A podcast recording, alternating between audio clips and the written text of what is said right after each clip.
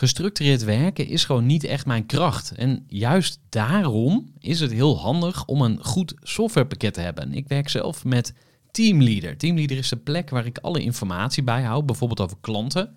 Waarin ik offertes maak en verstuur en die digitaal laat ondertekenen. Waarin ik facturen verstuur, waarin ik lijstjes bijhoud, waarin ik projecten kan managen, waarin ik standaard e-mails kan programmeren.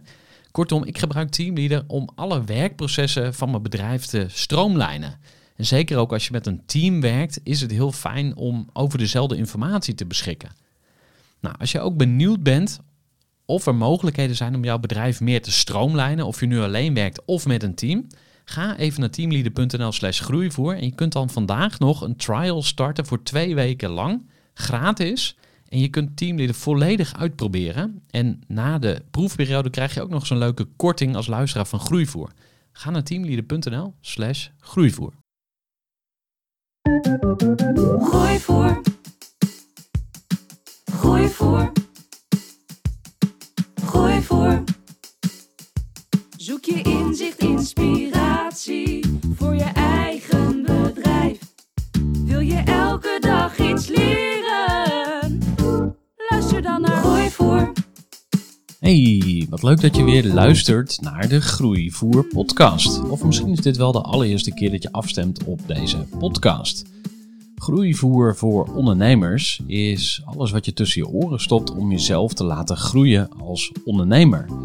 In deze aflevering van de Groeivoer podcast ga ik in gesprek met Remco Klaassen. Remco eh, is ontzettend lang al in business als trainer, spreker en schrijver. Enorm veel humor. Hij kan eh, recht voor zijn raap zijn en zeggen waar het op staat. Nou, ik wens je heel veel luisterplezier met deze nieuwe aflevering met Remco Klaassen. Voor de kennis en ideeën van een interessante gast. Die zijn verhaal met jou wil Ik zit hier met eh, Remco Klaassen. En ja, dat is een man die niet in eh, één woord te vangen is. Hij noemt zichzelf ook wel uh, kenniskliko. Ehm, Ja, dat heb ik nooit zelf gedaan. Oké, vertel. Dat, dat- dat is Dominique Heitema. Heeft ooit een boekje geschreven, de, de, de, go- de goeroe-gids, Hollands, Nederlandse goeroe, iets met goeroes. Mhm, mhm. En die heeft dat ooit in een column neergezet. En in het begin voelde ik me wat beledigd. Ik denk, kliko, dat, dat- dat- afval, what the fuck. Maar ze had het wel erg goed door. Omdat ik zo ontzettend veel verzamel. Echt dwangmatig alles eh, bij elkaar graai. Is kennis kliko wel iets wat ik eh, ja, toch op het LinkedIn profiel heb gezet. Ja, Maar ik heb hem niet zelf verzonnen. nee. Ja, dat is zoiets zelf-acclaimed. eh nee, andere. Nou, goed. En dan blijft natuurlijk lekker hangen. Dat is ook een van jouw Yes. eh, specialiteiten. Om te kijken van hoe kan je nou zorgen dat mensen iets gaan doen, laten of nooit meer vergeten. Hè? Dat is een van jouw... eh, Goed voorbereid. ja, nee, maar ik heb natuurlijk je boek gelezen. Ben jij dat? ik mis er En, één. eh, ja, heb jij ja, hem? Ja, dus eh, verbaal meesterschap. Ehm, maar laten we, laten we gewoon kijken van eh, in vogelvlucht eh, wie is Remco Klaassen. En dan gaan we daarna eens even lekker doorbeuken. Alright. IT'er van oorsprong, technisch ingenieur, HTS. Eh, door met name de omgeving eh, richting sales, sales gecoacht. Omdat ik wat afstak eh, in de, de IT-hoek. eh, iets minder nerdish. Iets verbaal, krachtiger, iets socialer, soms minder introvert. Maar dat traject is niks geworden. Sales vond ik heel vermoeiend. Heel, heel, het kostte heel veel energie. Terwijl ik op nu echt een, een- toch een verkoper ben, maar dan van ideeën, filosofie. Maar toen klikte het niet en ik vond het zeer... eh, ik sleepte mezelf door de week. Dus ik denk van, wat is hier aan de hand? Maar in die tijd wel in een opleidingstraject beland.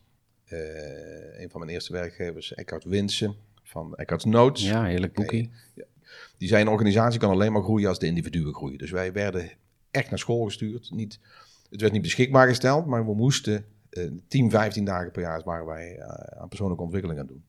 En dat is eh, enorm kostbaar in een detacheringscontext, maar daar ben ik vol in gegaan. En ik heb het dus gered tot commercieel manager bij Hightech Automation. Toen was ik dus niet meer bij BSO. Maar toen kwam langzaam naar voren dat ik eh, commercieel gezien geen deuk in de eh, sloeg. Dus, en wel die borreling had van met, met persoonlijke ontwikkeling en leiderschap. En ik denk van, nou, dit is gaaf. Dus min of meer per ongeluk mijn vuur ontdekt. En ja, dat is eerst een hobby geworden. Ik denk, ik ga cursusjes geven, workshopjes. Voor gratis geld, mensen uitnodigen. Van zitten, ik moet praten. Ik, ik ga niet stoppen met da- daar niet over praten. En dat is, eh, zoals mijn vriend altijd zegt, uit de bocht geëscaleerd. Dus dat is dubbel, eh dubbel dwars. eh, ja, In het kwadraat. ja, ja. Ja. Ehm, wat deed je toen je 37 was? Je, pakt gewoon een leeftijd. Ja, ik ben 37 geworden vandaag. Dus eh, 37. Dan moet ik even terug. Ik ben gaan ondernemen volgens mij op mijn 24ste. Ik denk dat ik bezig was met mijn tweede boek. Ik denk dat ik toen ook langzaam het lezingencircuit in ben getrokken. Wat ook niet echt strategisch is. We hadden het net over hè, tegen Willem Dank ondernemer. Ik, ben nooit, ik heb nooit een ondernemers-vibe gehad. Ik kom niet uit een ondernemersgezin. Hm. Het is een, een, een constructie geworden omdat de eenmanszaak eh, werkte niet meer voor de omzet die ik eh, genereerde. En eh, dan zeggen allemaal accountants van je moet dit doen. En eh, ik heb een, een, twee BV's. Dat doen ze tegenwoordig ook niet meer. Ik heb een holding en daaronder zit een werkmaatschappij. En, nou, uiteindelijk eh, ben ik dus in die constructie getrokken. En, maar goed, of ik het nou opnieuw zou doen, ik weet het niet. Ik, ik, ben helemaal verliefd op de activiteiten, op het, het product. Maar het ondernemerschap vind ik... ik denk ook elk jaar dat het afgelopen is. Dat is heel sneu. Oh. Elk jaar denk ik wel, oh, dit is het laatste jaar. Wat is, wat is de houdbaarheid van Remco Klaas en eh, zijn producten? En nou, iedere, iedere keer is het jaar vol en dan denk ik, oh, nou, valt wel mee. ja. Ondernemerschap is niet mijn ding. Hmm. En, en waarom zeg je dat zo stellig? Wat, welk stuk van ondernemerschap of überhaupt het, Nou, het de onzekere. Is het? Kan dus ineens ophouden. Hm. Ik heb dat eh, vanaf een zijlijn gezien eh, met bijvoorbeeld Diederik Stapel en, en René Dijkstra. Die door wat voor situaties dan ook in één keer persona non grata worden. Dat was met plagiaat ik? Of? Ja, één had te veel verzonnen, één had te veel gejat. Ik heb geen idee. Ik ben er niet bij geweest. Maar ik zag dus wel het effect. En dat heeft dus mijn onzekere ondernemershoofd ook aan de gang gezet. Van, oh, what if? Hè? Stel dat, dat, dat, dat eh, niemand mij weer wil. Wat voor vage reden nog. Een of andere Russische hacker zet eh, de, de foute porno op mijn pc. Het, het raakt viral. Kevin Spacey zou ik ook... eh, Ja, hè, nou, als je is- ziet wat daarmee gebeurd is. Mhm, Hè? ja. Ook daarvoor geldt, ik, ik weet niet wat die man allemaal verkeerd heeft gedaan, maar het zal je maar gebeuren. Dat al je lezingen worden afgezegd.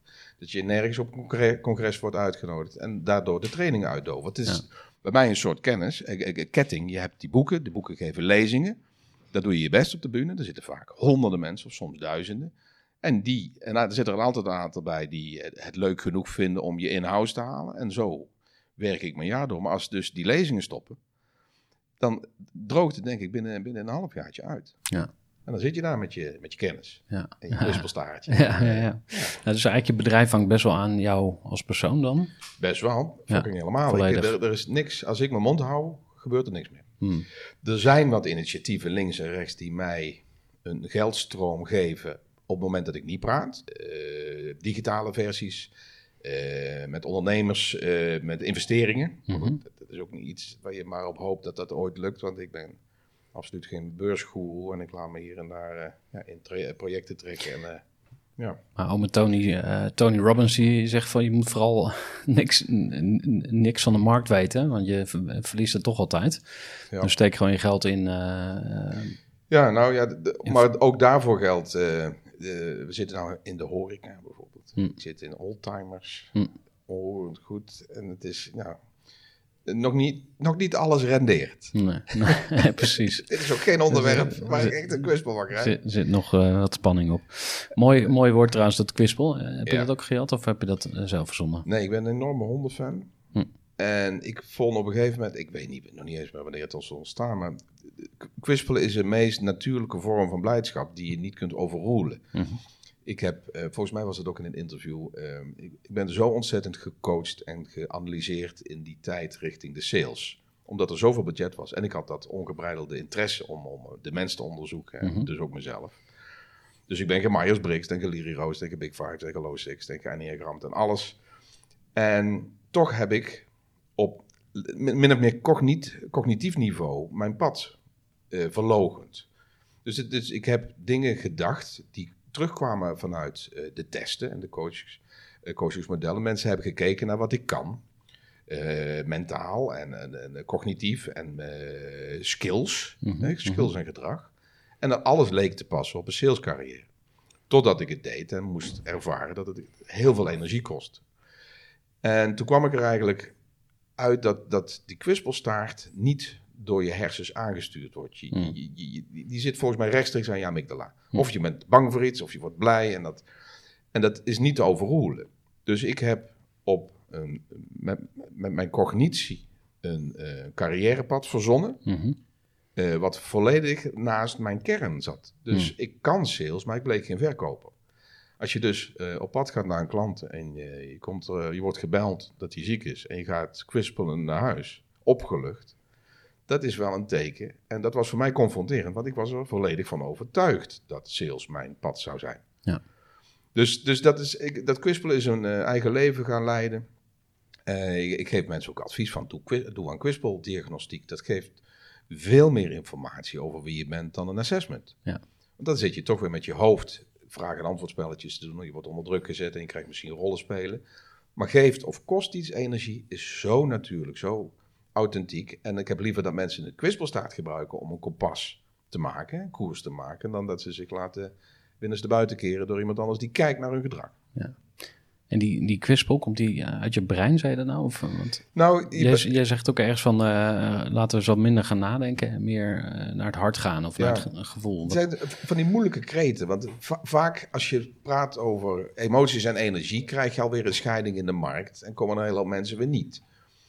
Dus vandaar ook kwispel. Dat is een hele toegankelijke metafoor om te praten, dat, om, te, om het te hebben over dat gevoel belangrijk is in je koers. Ja. En dat wij te vaak in ons hoofd zitten. Ja. En dat is iets waar ik al jaren mee spar. Daarom werk ik heel veel met, met soms wat speelse metaforen. Bruine broeken, rode bloemkolen, de, de, de, de kwispelstaarten. Die heel toegankelijk zijn en geen scheiding geven in de markt. Dat je, als je de ene taal gebruikt, alleen maar academische mensen krijgt. En Mhm. de, de, de, de white collars, hè, ook zo'n ter- term. En dat als je het leuker en eh, met meer humor en toegankelijk maakt, dat je alleen maar mensen krijgt die niet leidinggevend zijn. Of, nou, ik wil de mens aanspreken. Ja. Dus, Ja. Ehm, je hebt al heel wat podcast-interviews gegeven. Ja, En ik ehm, vind het te leuk. ja, wat, wat heb je eigenlijk met podcast? Want, Ja, ik, niks. Ik heb er nog geen één geluisterd, Hm. zelfs, Oh, van mezelf. Ehm, maar ik, ik trek een hoop pretletters aan, zoals eh, hier tegenover mij. Ja, dat- Mensen die, net zoals ik, een enorme passie hebben eh, voor de mens, om de mens te begrijpen. Maar daar, niet al, daar het niet bij willen laten, we ook mensen willen begeleiden. Ja. Dus ik grijp eigenlijk elke kans aan om te toeteren over geluk en over energie en over groei en over ver- verantwoordelijkheidsbesef. Mhm. Dus eh, ja, ik laat me graag voor de microfoon eh, trekken. Ja. In het ergste geval hebben anderen er wat aan. Ja. En de tijd vliegt altijd en ik krijg wortels. En, en, en Ja, ik ja, moet toch ja. even laten zien, jongens. Prachtig t-shirt. Ja. ja, dus de livestream komt, of de stream komt ook op YouTube. Eh, het originele Dus Groeivoer podcast. de cadeautjes. Ja, ja, ja. Ja, dus, ja. ja. Ehm, en ik wil je ook graag een, eh, een eh, Groeivoer rap aanbieden voor je Bentley. Dus eh, een jaar lang Dat ik hem kan reclame mag. rappen. Ja, ja, ja. Rijden voor jou. Wat leuk. Maar geeft dat het juiste signaal af? Groeivoer en een Bentley? Ik heb nee, nog andere wagens. Misschien kunnen we daar... eh, Oh, dat is misschien toegankelijker. Ja, ja. Nou, Nou. het gaat natuurlijk niet om aardse zaken. En dat is ook een mooi bruggetje naar waar we het net even over hadden in het Yes. voorgesprek. Want om nou een soort herhaling van zetten te voorkomen, Ja. eh, zaten we te brainstormen over waar kunnen we nou eh, de focus leggen in dit gesprek. Ja. En jij begon eigenlijk meteen van, hé hey Gerard, ehm, jij bent toch christelijk of hey, je bent gelovig of in ieder geval, is dat misschien iets? Ja. En Zeer interessant. wat, wat, eh, hoe, hoe kwam dat bij je op? Of wat, eh, Nou, het is dat? eigenlijk begonnen vanuit die verzamelwoede. Ehm, hè, ik zeg op de bühne ook vaak van alles wat er meer dan een miljoen boeken verkoopt, spring ik in de nek, pluk ik aan en geef ik door. Dus ik, de dievenstatus eh vaar ik wel bij. Daar schaam ik me niet voor. Ik ben een verzamelaar. En totdat ik op een gegeven moment erachter kwam dat een aantal van de meest gelezen boeken op aarde ik nooit had geopend. Dus de Koran, de, de Bijbel. Voor- Ik heb een eh, Mhm. Rooms-Katholieke opvoeding, dus ik weet een beetje van die verhalen. Ja. Eh, de Ayurveda's, de Kabbalah. Dus ik denk van, hé hey, Klaas, wa- waarom eh, open je alleen maar eh, één eh, branche aan boeken? Ja. Dus ik heb, ehm, volgens mij is het anderhalf jaar geleden, een oproep gedaan op LinkedIn. Ik denk, hé, hey, ik wil eens sparren over leiderschap Mhm. Met mensen die een andere bril op hebben naar de wereld eh, als die ik heb. En toen heb ik een eh, opdracht, eh, verzoek gedaan op LinkedIn. mag ik alsjeblieft twee moslims, twee hindoes, twee christenen. Ik denk pak in ieder geval de top drie, Ja. eventjes beet. En dan gaan we sparren. En dat heeft een, ja, van alles teweeg gebracht. Nieuwe, nieuwe kennissen, nieuwe, nieuwe vrienden, een hele hoop meetings al. En ehm, waar het toe gaat leiden, want misschien is het de volgende vraag. Eh, eh, Onderbreek me, want ik, eh, ik ga weer los. ja, zeker. Ik heb na boek 6 min of meer gedacht van ik ben leeggeschreven. Want kan je ze heel kort dus... eh, Ja, ik heb er 3,5 eigenlijk maar zelf gedaan. mhm. Dus ik heb ik gedaan met Maite Brown. Wij heb ik zelf geschreven en verbaal meeschap. Eh, Factor Moed met eh Marieke Lipsjes, sociologe waar ik een goede klik mee heb. En we hebben iets met moed, hè, de bruine broek, eh, lef hebben en, en, en visie op leiderschap. Ondanks angst in, toch Ja, in beweging precies. komen. Ja. En waar zit ik dan op vier? Nog eh, twee eh, boekjes die ik niet zelf heb geschreven, maar op mijn materiaal zijn gebaseerd. Dus Spreken Mhm. met Impact is eigenlijk een eh, samenvatting van, van, van verbaal meesterschap. En ik heb nog het Ik-Wij omdraaiboek. Dat heeft Spectrum gedaan om, ja, denigrerend misschien, het, het, het libellenpubliek over ook te openen. Dus er zit heel weinig organisatiekunde en heel erg eh, fuck en shit. Dus eh, taal die ik leuk vind. Ja. Maar wel een beetje nog van hoe maak je je plan voor je leven en hoe creëer je sociale slagkracht. Dus eh, ehm, een vervrouwelijkde versie van mijn dominante mannelijke stijl en gedoe. Dus ja, ik denk ik ben leeg. Maar door de religiediscussies eh, voel ik weer van alles borrelen. Ik, ik, ik, Hmm. ik, eh, de werktitel is Beschaving 3.0. Vandaar dat het ook wel een leuk onderwerp is als jij als socioloog eh, van oorsprong. Eh, ik, ik denk dat we klaar zijn voor iets nieuws. Ik zie beschaving 1.0 als het hele primaire eh, reptile brain gestuurde fight, flight, freeze. eh, kan ik het eten, eet het mij. Beschaving 2.0 zie ik voor de, het eerst sociaal. Ik ga dus heel grof door de Mhm, mensheid heen. Eh, dat er sociale structuren komen, politiek ontstaat en geloof wordt verzonnen. Dat is een beetje lastig om te zeggen tegen gelovigen, maar er zijn, ik zie het als social guidelines. Eh, blijf van mijn fiets. Waar jij niet wil dat u geschiet, blijf hè, van je Mhm. buurvrouw stiet. Dat Mhm. soort dingetjes. Ja. En ik zie beschaving 3.0 als volledig seculier op basis van gewoon wetenschap en eh, normale waarden en normen die niet verankerd hoeven liggen in een mythisch verhaal. En waar we dus zelf kunnen bepalen met elkaar hoe je met elkaar moet omgaan. Ja. En dat iemand die een bepaald boek heeft gelezen geen mening hoeft te hebben over of iemand die homofiel is wel of niet dood mag. Ja. Of dat je je kind wel of niet inent, omdat dat, dat moet los. Ja. Dus geloof vind ik nog steeds mooi. Eh, eigenlijk alleen maar mooier als ik de mensen erover spreek. Maar ik zie het als een hobby.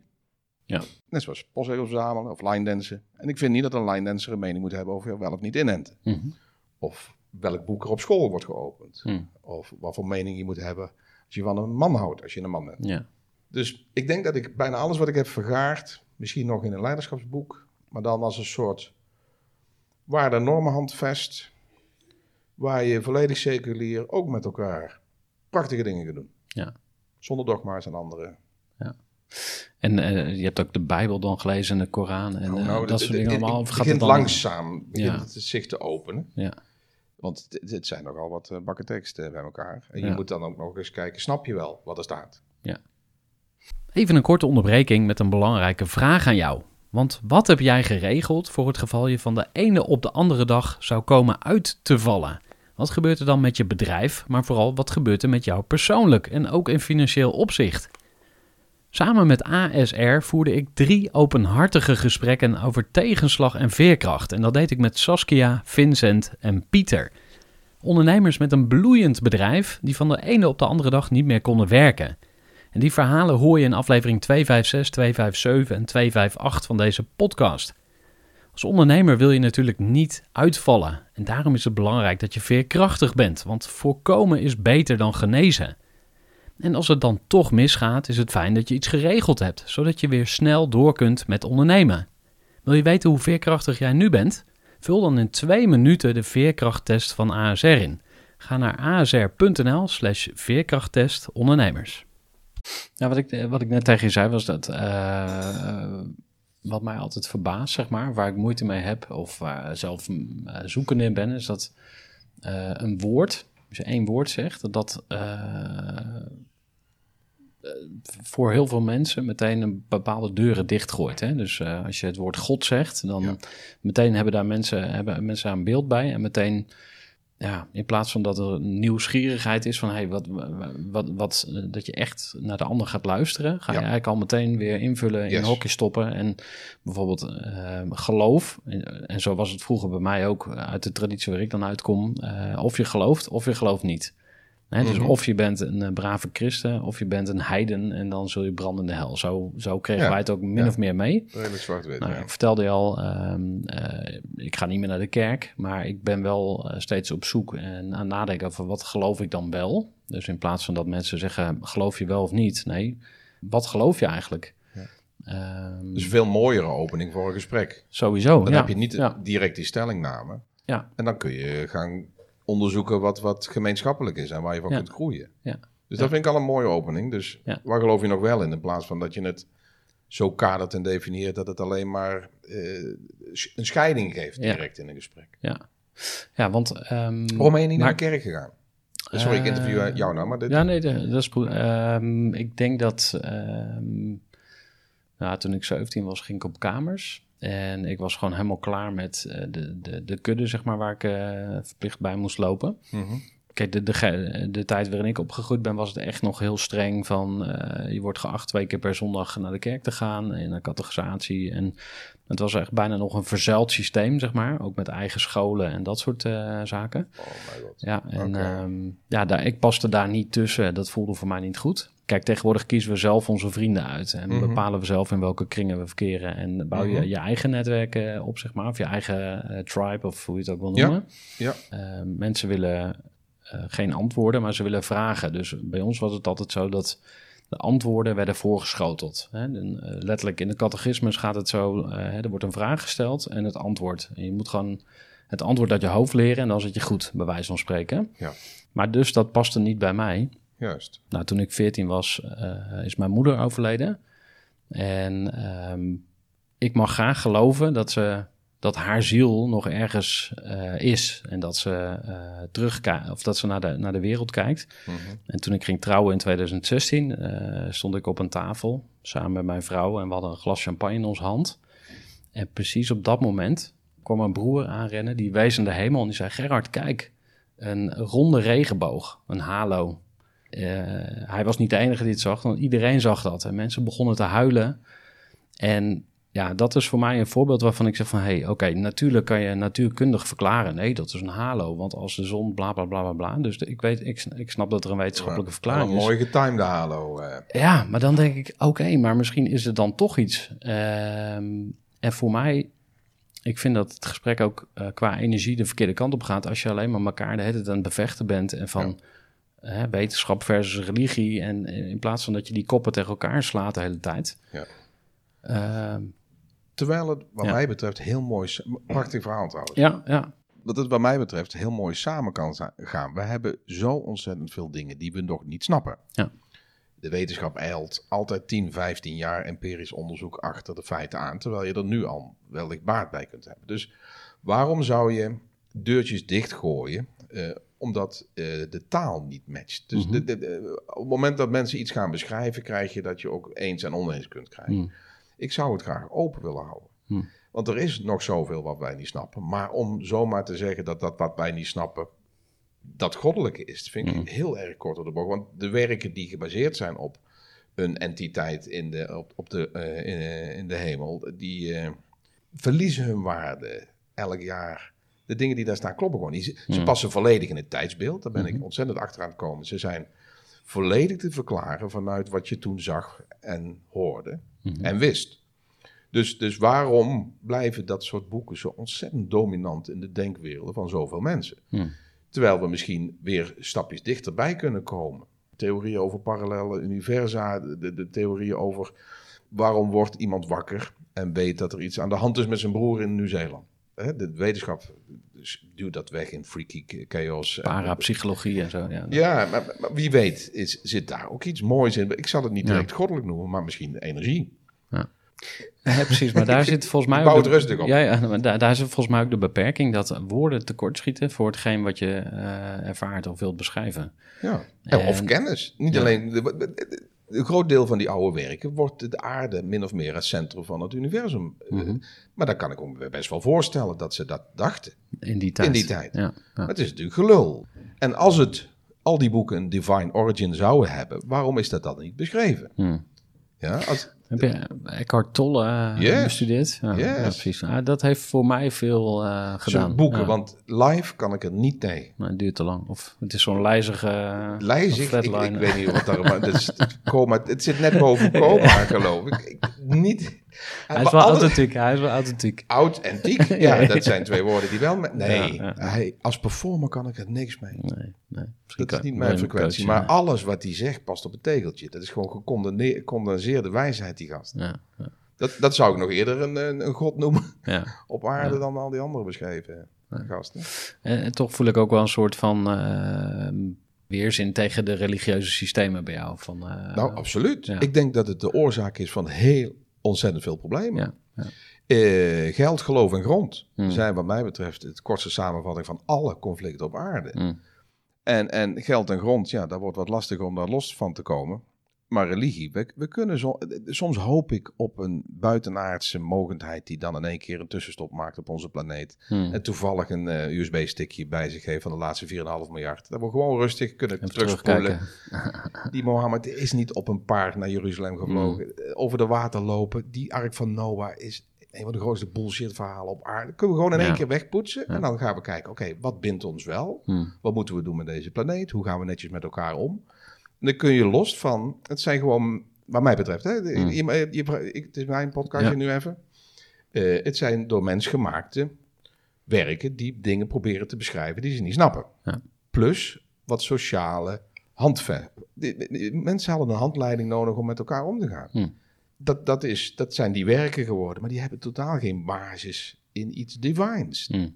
naar mijn Ja. mening. Mhm. En het helpt ons als beschaving ook niet om daarin vast te blijven hangen. Hm. Ik, ik word ook een beetje geïrriteerd soms dat, dat waarde-normbesef bijvoorbeeld alleen maar een basis heeft in religieuze werken. Wat een onzin. Alsof een normaal mens niet uit zichzelf zou kunnen komen tot goed gedrag. Mhm. Jij bent hoog opgeleid, jij, je hersenen zitten goed in elkaar, je bent een aardige man, je kijkt maar aan, je geeft een fatsoenlijke hand. Wij kunnen samen hele mooie dingen doen. En de meest, heel veel mensen, nog steeds, pakken waarde normenbesef uit boekjes die nergens meer over gaan. Hm.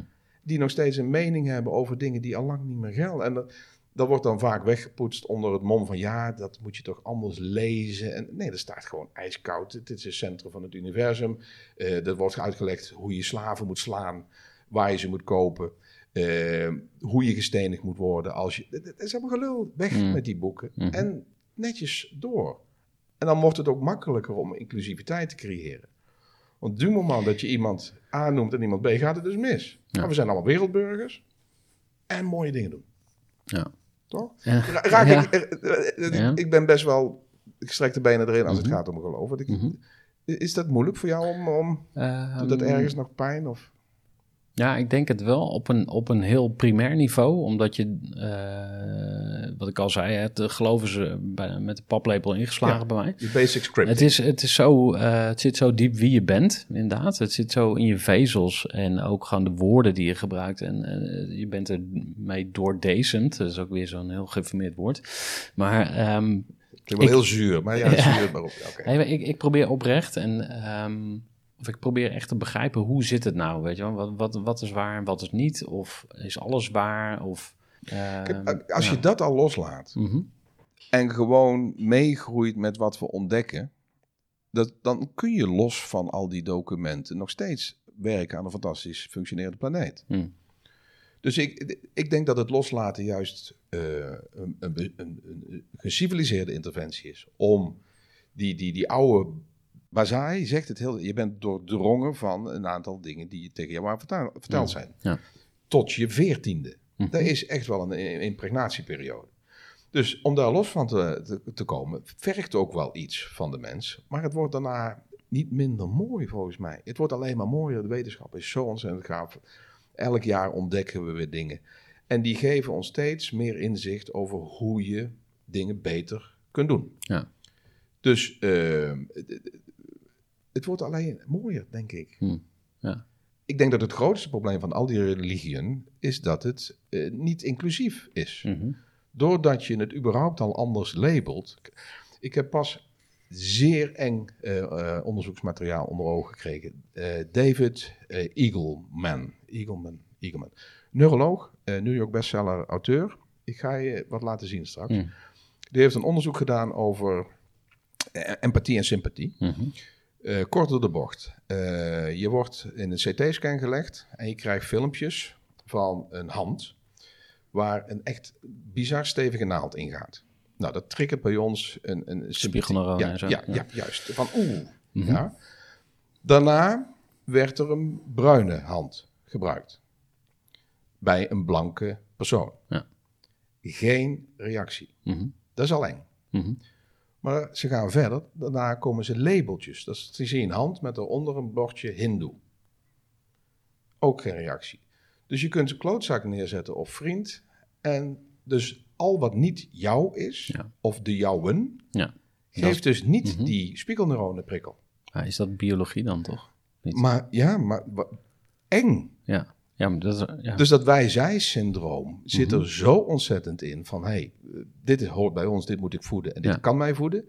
En dat ander, jat mijn spullen of moet ik Ja. oorlog dat tegen is een voeren. bedreiging.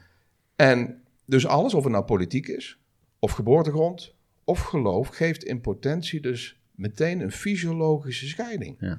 Dat je niet, geen emoties hebt als dat de ander pijn doet. Hm. Ik vond dat echt zeer, zeer eng om te zien. Ja. Dit gaat nog veel harder dan ik dacht. Hm. Dus, dus alles wat in potentie de macht heeft om A-B-denkend te worden, wij, Hmm. zij, Mhm. moet eigenlijk van de planeet. En dan wordt het makkelijker een eenheid en kunnen we prachtige dingen met elkaar afspreken. Hm. Want ik denk wel dat we sociale regels nodig hebben. Mhm. Ik denk dat de mens zonder training. De- wel leuk dat dat dan weer, toch wel bijbels is, de zeven hoofdzonden. We hebben een aantal foutjes in ons systeem die eh, opkomen borrelen als die eh amygdala een beetje te actief wordt. Mm. En daar moeten we regels voor hebben. Ja. Blijf van elkaars fiets. Ja. Eh, dat soort dingen. En koppel je dat ook aan ego? Oh mijn god, nou gaan we alle kanten op. Yes. Want In- in ego, geldingsdrang, Yes. je gaat van mijn rijbaan, ik, ik ben hier aan de kant, Ja. dat soort dingen.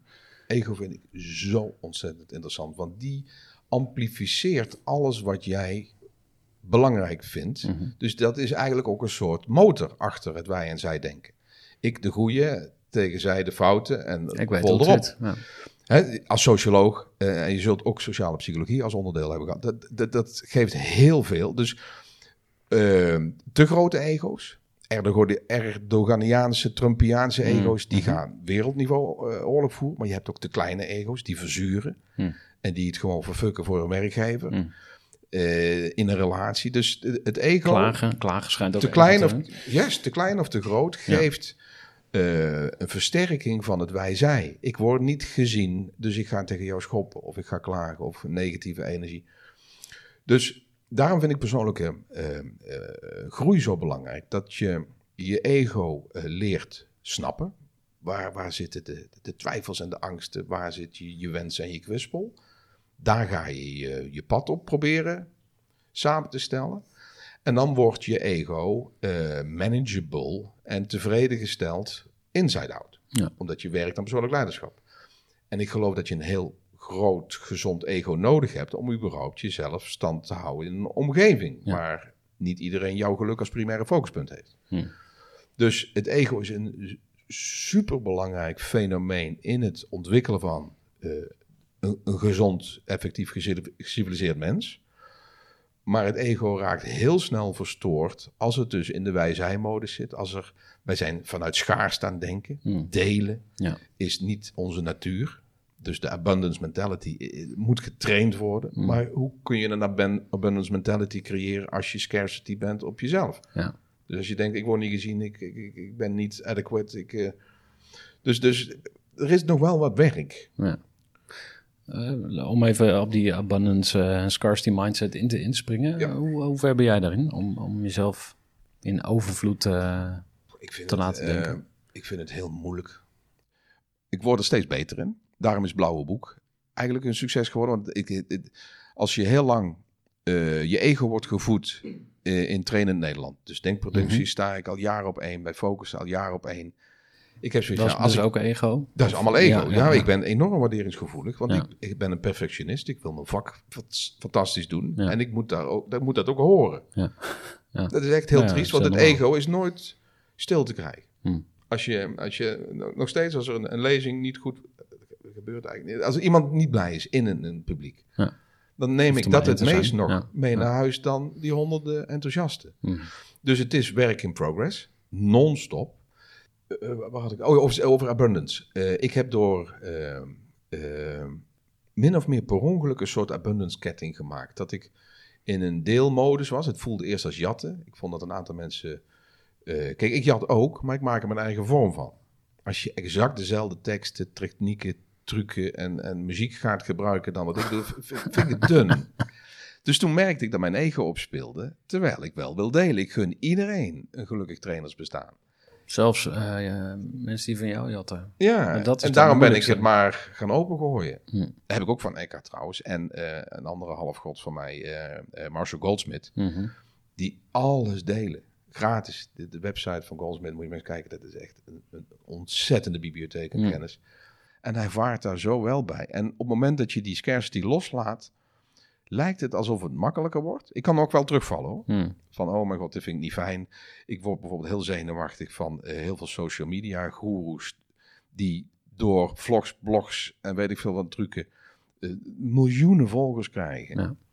En dan ben ik al Zo'n 25 Brandon jaar... Burchard of zo. Of, eh Nou, of Nederlandse... Dit- dit- Ik, ik heb in een andere podcast eh, per ongeluk van Louise genoemd als... Ik denk, hoe kan dat een influencer zijn? Dat is toch niet Wie is dat ook alweer? Nou, ik ben heel blij dat je zo reageert. maar vraag op straat wie Stephen Covey is. En dan gebeurt Ja, niks. ja. Vraag op straat wie, wie Little Dick, Dick is. Of hoe hoe heet al dat, dat, dat rapspul. En die hebben dus meer invloed op de nieuwe jeugd... dan eh, mensen waarvan ik zoiets heb van... luister daar eens een keer naar... Als je toch een mening wil hebben over jezelf... en om je omgeving en de toekomst. Hm. Dus, dus dan, dan voel ik ook wel weer die scarcity. Van, oh god, straks heb ik, ben ik geen influencer meer. Ja. En worden mensen die ik dan eh, anders effectief label... eh, hoe doen we dit netjes? Ja. Die krijgen dan meer invloed op onze jeugd en op onze mensen. Ja. Dat vind ik eng. Hm. Vind ik echt serieus eng. En waarom? Nou, omdat zij, denk ik, de, de, het wereldbeeld wat, wat zij scheppen. La- la- laat ik met wat pas we een documentaire over. was een goede, goede aflevering trouwens, over messentrekkers in Rotterdam. En als je dan die interviews ziet en hoe, hoe die mensen denken, die, die, die, die, nemen dat rechtstreeks over van de Bloods en de Crips en geld en drugs en hoe ze over vrouwen praten is echt bizar. Dat zijn mensen van 13, 14, 15. Dat hebben ze niet zelf ontdekt.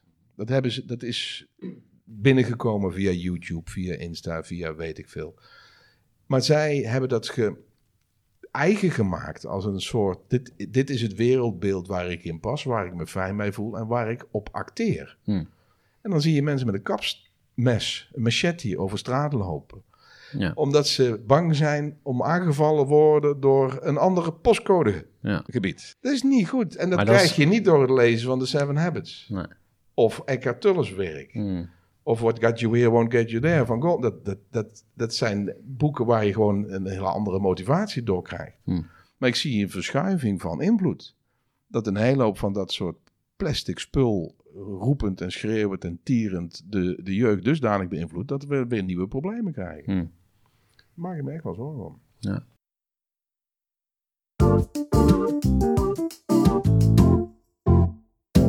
Maar ik wilde eh, toch nog even eh, vragen naar jou, ehm, eh, naar Reiki. Want daar heb ik ook iets over Yes. opgepikt.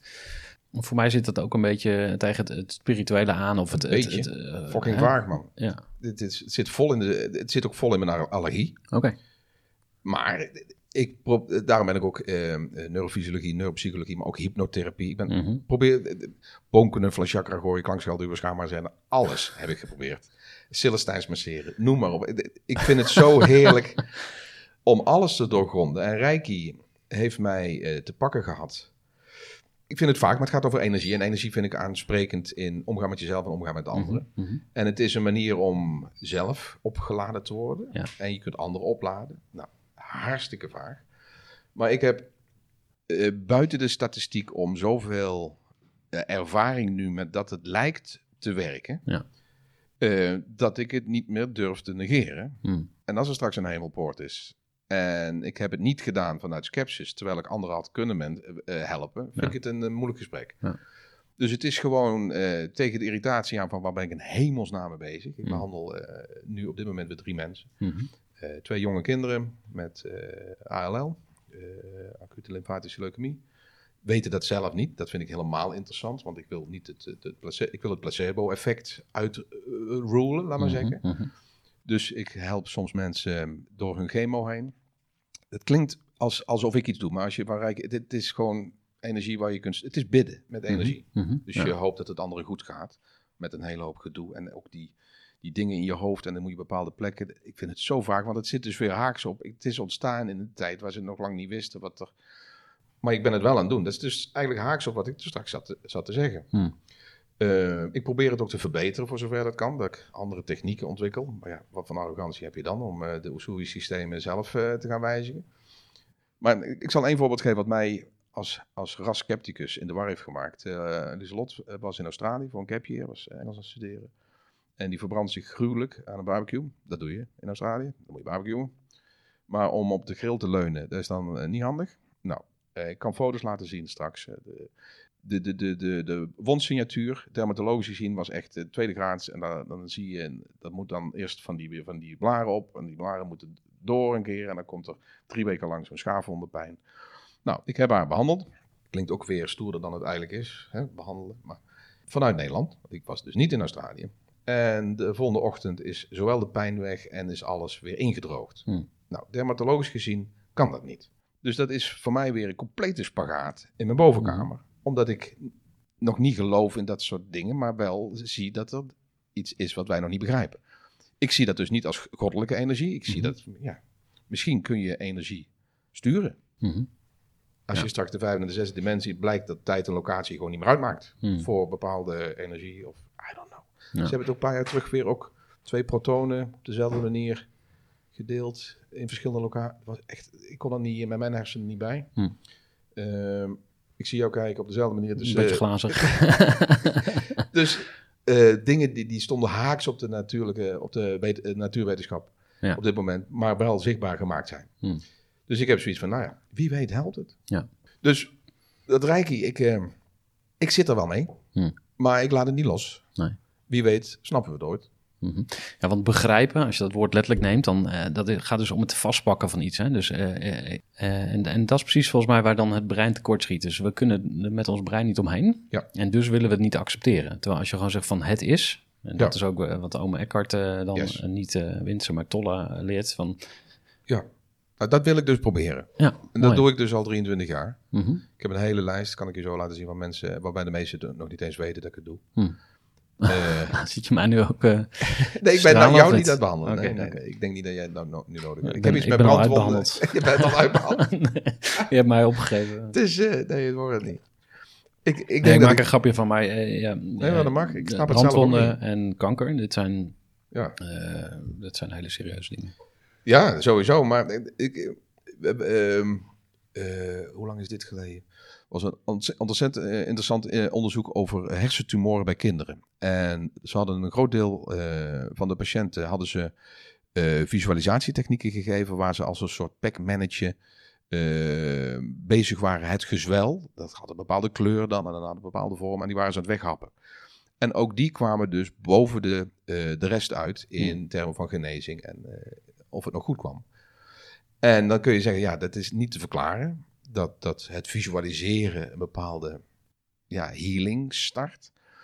En, maar goed, om dat dan maar niet meer te doen, vind ik dat... Dus ik blijf openen, proberen, oefenen, eh, doen later nooit meer vergeten, eh, totdat we weten hoe het zit. En dan ben ik blij dat ik het heb gedaan. Ja. Het zou zonde zijn als we bepaalde dingen gewoon niet doen totdat we ze bewezen hebben. Ja, mee Denk eens. En eh, we- eh, een eh, voorbeeld wat ik in een van de andere podcasts eh, eh, hoorde, dat ging over die potten met rijst. Hè? Dan, eh, Ja. eh, wil je Dat zagen eh, in mijn auto. Oh mijn god. Want dat, dat beeld vind ik heel krachtig. En dat, dat, eh, Die gebruik ik in, in mijn training als we eh, ik doe wat over de streepachtige trucken in eh, termen van groepsbuilding. Dat, we- dat we, we gaan met elkaar een mooie week maken. En dan heb ik dus ook geloof als onderwerp. Waar geloof je nog in of geloof je nergens in? Dan heb je ietsisme, niksisme. En, nou. En Masaru Emoto, ook die wordt hier en daar zwaar onderuit gehaald met zijn waterkristalvorming eh, eh, theorieën. Dus ook daar is weerstand, maar goed. Ehm, hij ziet eigenlijk alles als energie. Kort door de bocht voor de, voor de luisteraars. Hij heeft de, het rijstexperiment. Moet je gewoon eens op YouTube. Het is bizar. Je kookt wijs af, rijst af, wekpot, stickers erop. En de ene positief, de andere negatief. Dus de ene I love you en een zonnetje en een hartje. En die andere fuck you. En, nou, de officiële lezing is geloof ik dat je twee, drie weken lang de potten verschil- verschillend bejegent. De Ja. ene vloek je stijf en de andere ah, I love you. En nou is de stelling, en je ziet heel veel eh, filmpjes die dat bewijzen, eh, dat de rijst, de dode materie in essentie, daar dus op reageert. Mhm. Dat de liefdevolle pot eh, langer vers blijft dan de kwaadpot. Nou, enorm vaag, maar wel dermate interessant om dat als metafoor te gebruiken. Ik, ik denk dat als mensen, mensen zijn domein aan energie. Jij hebt een batterijtje, ik heb een batterijtje. En ik denk dat daar manipulatie op toepassen. Je kunt daarin eh, op managen. Je Ja, kunt eh, iets doen aan je batterij, je kunt het Ja. opladen. Het Mhm. kan ook leeg gaan, een lekke batterij, de dingen die energie kosten. Dus als je mensen ziet als batterijen, dat zelfs dode materie reageert op energie, dan wordt dat een hele mooie metafoor om leiderschap seculier op een andere manier te bekijken. Mhm. hey, we kunnen, als we elkaar zien als energie, de potjes, dat je zelfs tijd en locatie niet uitmaakt. Dat als, ik, eh, als jij in Australië zit en ik wens jou geluk en ik geef jou energie, dat dat wellicht een effect heeft. I don't know, misschien komen we er over 200 jaar pas achter. Maar ik vind dat een hele mooie manier om... Ik, ik gebruik het als een soort kapstok waar ik een hele hoop andere dingen door snap. Mhm. Dus zelfs conventionele sociologie, psychologie, eh, sociale... kun je in, als, met een energiebril makkelijk eh, verklaren. Ja. En een plek geven. Mhm. Ja, het woord liefde komt ook altijd bij me op. Oh, gaan we doen? Eh, nou, Het krijgt je- een wending, dames en heren. trek je me. Moet een muziekje... Ik zal meenhouden. Maar eh, God, energie, eh, liefde, woorden schieten sowieso tekort voor wat er gebeurt, zeg maar, in, in Mhm. de kosmos. En Mhm. als je positieve of negatieve energie hebt. Wat ik heel mooi en krachtig vind, is dat wij als mensen een bewustzijn hebben, waardoor we een keuze hebben. Dus eh, ik kreeg een appje van iemand die zei: Ja, heb je dat en dat gezien op LinkedIn? Wat die ene gast dus en zo en dit en dat. En toen dacht ik: Oké, ik kan hier nu op ingaan. Mhm. En dan ga ik mee in zijn negatieve energie. En ik Mhm. bevestig hem ook dat het een goed idee is om te lullen over anderen op, op LinkedIn. Ja. Of ik kan het negeren. Mhm. Dat is ook niet goed. Eh, of, ik kan, ja, of ik kan hem uitdagen en zeggen: hey, eh, ga nou eens. Eh, wat is er wel goed of zo? Maar in ieder geval, Ja. dus dit is misschien niet het allersterkste voorbeeld. Eh, het punt wat ik wil maken is: we hebben een keuze. Yes. Dus ik zit in een auto, ik irriteer me aan iemand. denk, oh wacht, ik irriteer me aan iemand. Ik ga even forceer een eh, glimlach op mijn gezicht. Hè. Dat is natuurlijk allemaal weer NLP-achtig misschien, maar dan ga je weer richting de technieken. Maar heel kort, eh, kies bewust voor liefde, positieve energie. eh, Wat, wat lastig is in jouw stellingname is eh, dat wij een keuze hebben. mhm, Dat is op papier eh, uit te leggen, mhm, eh, maar in praktijk ontzettend moeilijk. mhm. Wij zijn enorm hormonaal gestuurde entiteiten. Dus wat er in de bovenkamer heen en weer wordt geschoten, dat bepaalt primair ons gedrag. Dus ik, ik, ik hoor alles wat je zegt, ik ben er helemaal mee eens. Maar de mens in zijn normale doen vindt dat heel moeilijk. Dus stel, jij wordt aangesproken eh, in een mailtje bijvoorbeeld. Mhm. Eh, en het gaat volledig tegen jouw rechtvaardigheidsgevoel in. En het is ook iemand die je eigenlijk al niet zo mag, omdat hij jou al vaker heeft laten zien dat hij eh, sukkelgedrag Mhm. laat zien. Mhm. Uh, van Jos Burgers term, sukkelgedrag. Dan is het heel moeilijk om dat los te maken, want je bent doordrongen van een ontplofte amygdala. Dat is, het gaat in je hoofd alle kanten op. En dan voel je je, zeker als je een wat groter ego hebt, ook gerechtvaardigd om in te grijpen. Nou, hè, ik weet niet of je mailtje 1, mailtje 2 kent. Dat is, dat is ook zo'n coachingstruc. Je moet dan meteen opschrijven wat je vindt dat gerechtvaardigd is als repliek. Mhm. Geen recipient intypen. Als je per ongeluk de, de muis klikt en dan is je weg. Ja, zuig dat maar eens terug, die mail. Dus dan moet je nou, eh, netjes alles intypen. Professioneel, zoals je het eh, vindt dat het kan. Dan ga je naar huis, ga je sporten, eten, drinken, een wipje. Allerlei andere hormonen. En dan ga je 's ochtends weer eens kijken wat je de vorige dag dacht dat gerechtvaardigd was als repliek. En dan schrik je je helemaal de teringtyfus, want dan heb je een hele andere bril erop. Dan moet je niet op de weg na het lezen van het mailtje weer terugdenken aan... Of, Mm. ik zal hem... Nee, gewoon vanuit een ander emotioneel veld. En dan zie je hoe ongelooflijk je... Oeh, dat zou ik... Nee, oeh, en die komma daar. En twee uitroeptekens. Oh, en ik heb ook nog een... Dus de keuze hebben klopt. Maar om tussen de reactie en de stimulus... Hè, dus tussen de Pavloviaanse stimulus-respons daar even adem te nemen... en je koers voor ogen te houden... en algemeen welbehagen van de ander voor ogen te houden... dat is heel erg moeilijk. Hm. Dat kunnen wij dus niet van nature. Getraind, dus wel. Ja, nee, precies. Dus je kan jezelf Je wel kunt trainen. trainen, maar dan nog, ik heb de- dat denk ik, als er gebeurt er iets, zeker naar je kinderen toe. Mhm. Ja, dan, eh, ik, ik, ik, ik schiet allemaal voorbeelden, maar die zijn niet fijn voor de podcast. En dan wil je gewoon ingrijpen. Hm. Dan wil je die leraar gaan bellen of die vriend. Of helemaal kapot schoppen. het liefst, dat doe je niet. Maar de, de woorden die je dan gebruikt zijn net zo erg als je knieschijf breekt. Hm. Dat- dat- En dan voel je je rechtvaardig, want jouw kroost is aangepakt. Nee, dit heb je ook in, in verbaal meesterschap volgens mij als anekdote eh, staan ergens over. eh, hoe, hoe ga ik met de juf om? eh, die dan zegt van, ja, dit is eh Toesje en eh, ze is autistisch en daarom zit ze op de eerste rij. En eh, Oh, zit die erin? Oh mijn god, ja, Zoiets. dat is een, bloemkool met... Nou, ja. Als je ziet, even die, die pak ik erbij. mhm, mhm. De mens is niet alleen reactief in het heden, omdat Mhm. het een hormonale situatie is waar je daar moeilijk uit kunt ontvluchten of losmaken. Maar als iets echt pijn heeft gedaan, kun je zelfs nog reactief blijven uit je verleden.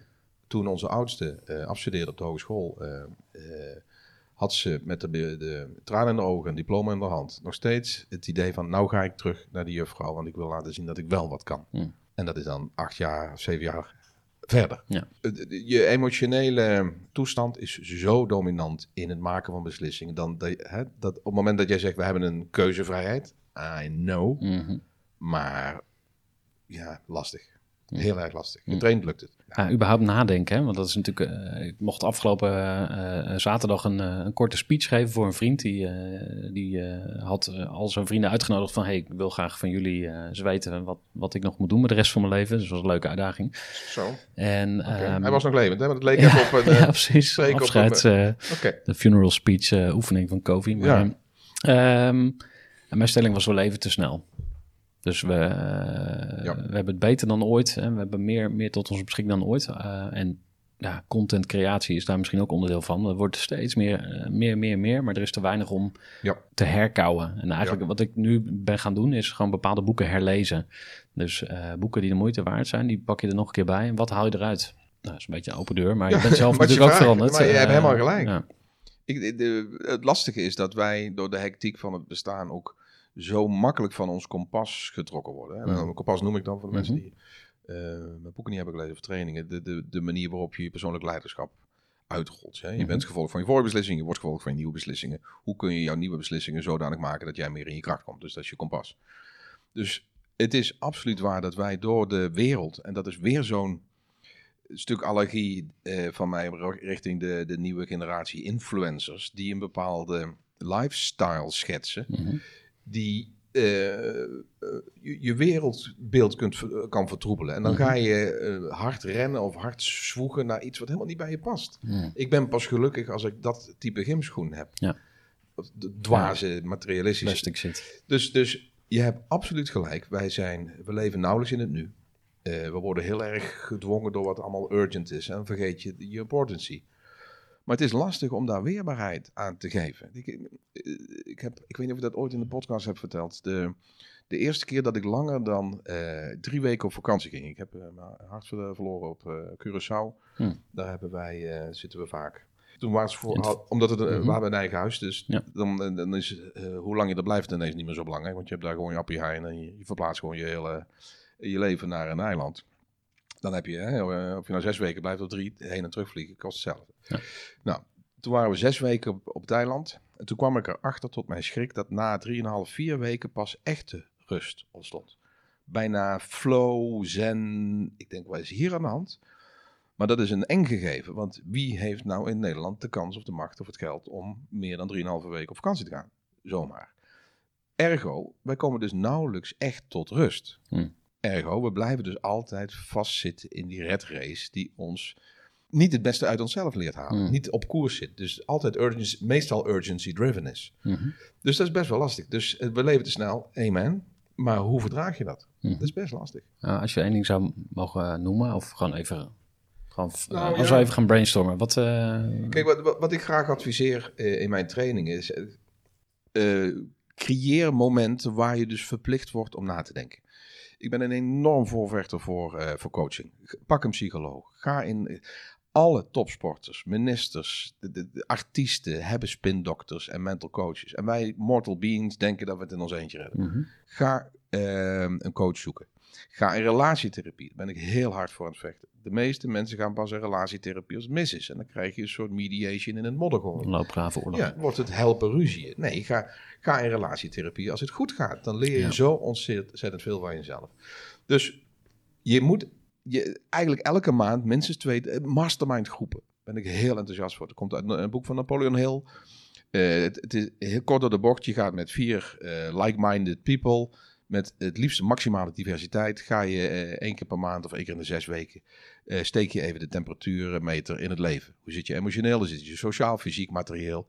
Doe een round robin aan tafel. eh investeer in een uitsmijter. is puur goud. Want dan heb je al om de zes weken. Dan heb je al een, je, je, je psycholoog, psycholoog. Alles loopt bij ons met een psycholoog. Mm.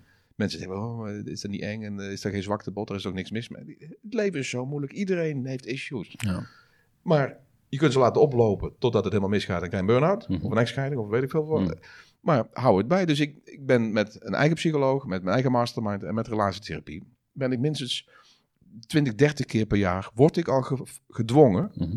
om na te denken over wie ik ben en wat ik doe. Ja. En dan zit ik nog in een leven waar ik elke week bezig ben met de content. En ja, het is jouw werk. Ja. Dus de normale mensen die niet dit gen delen en die passie, die maken het zichzelf daardoor nog moeilijker om in het leven de juiste dingen te doen. Ja. Dat je dus niet elke week bezig bent met die content en niet die 30 keer per jaar gedwongen wordt om het leven te bekijken.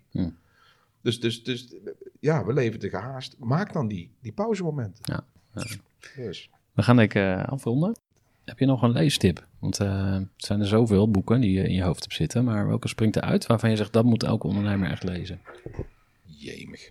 Er is zo ontzettend veel. Eh, wat ik erg gaaf vond, eh, is eh, Kracht van Imperfectie, geloof ik, Brené Brown.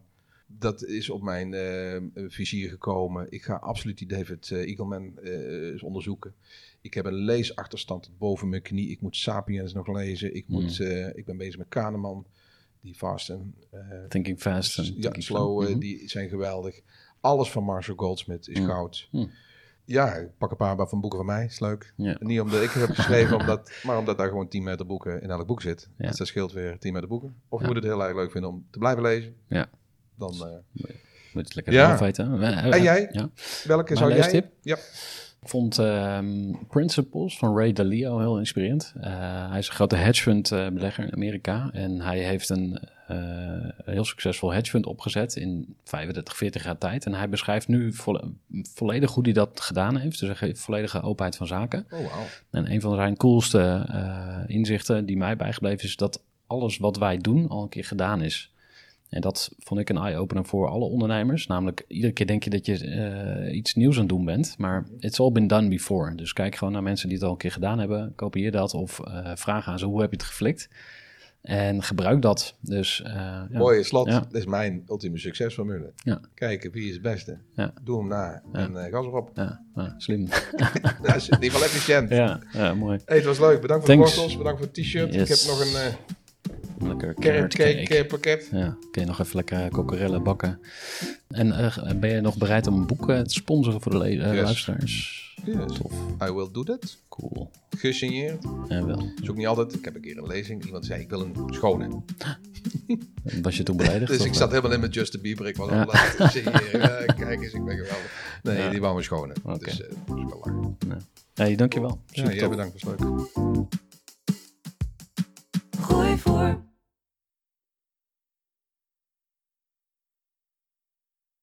Gestructureerd werken is gewoon niet echt mijn kracht. En juist daarom is het heel handig om een goed softwarepakket te hebben. Ik werk zelf met Teamleader. Teamleader is de plek waar ik alle informatie bijhoud, bijvoorbeeld over klanten.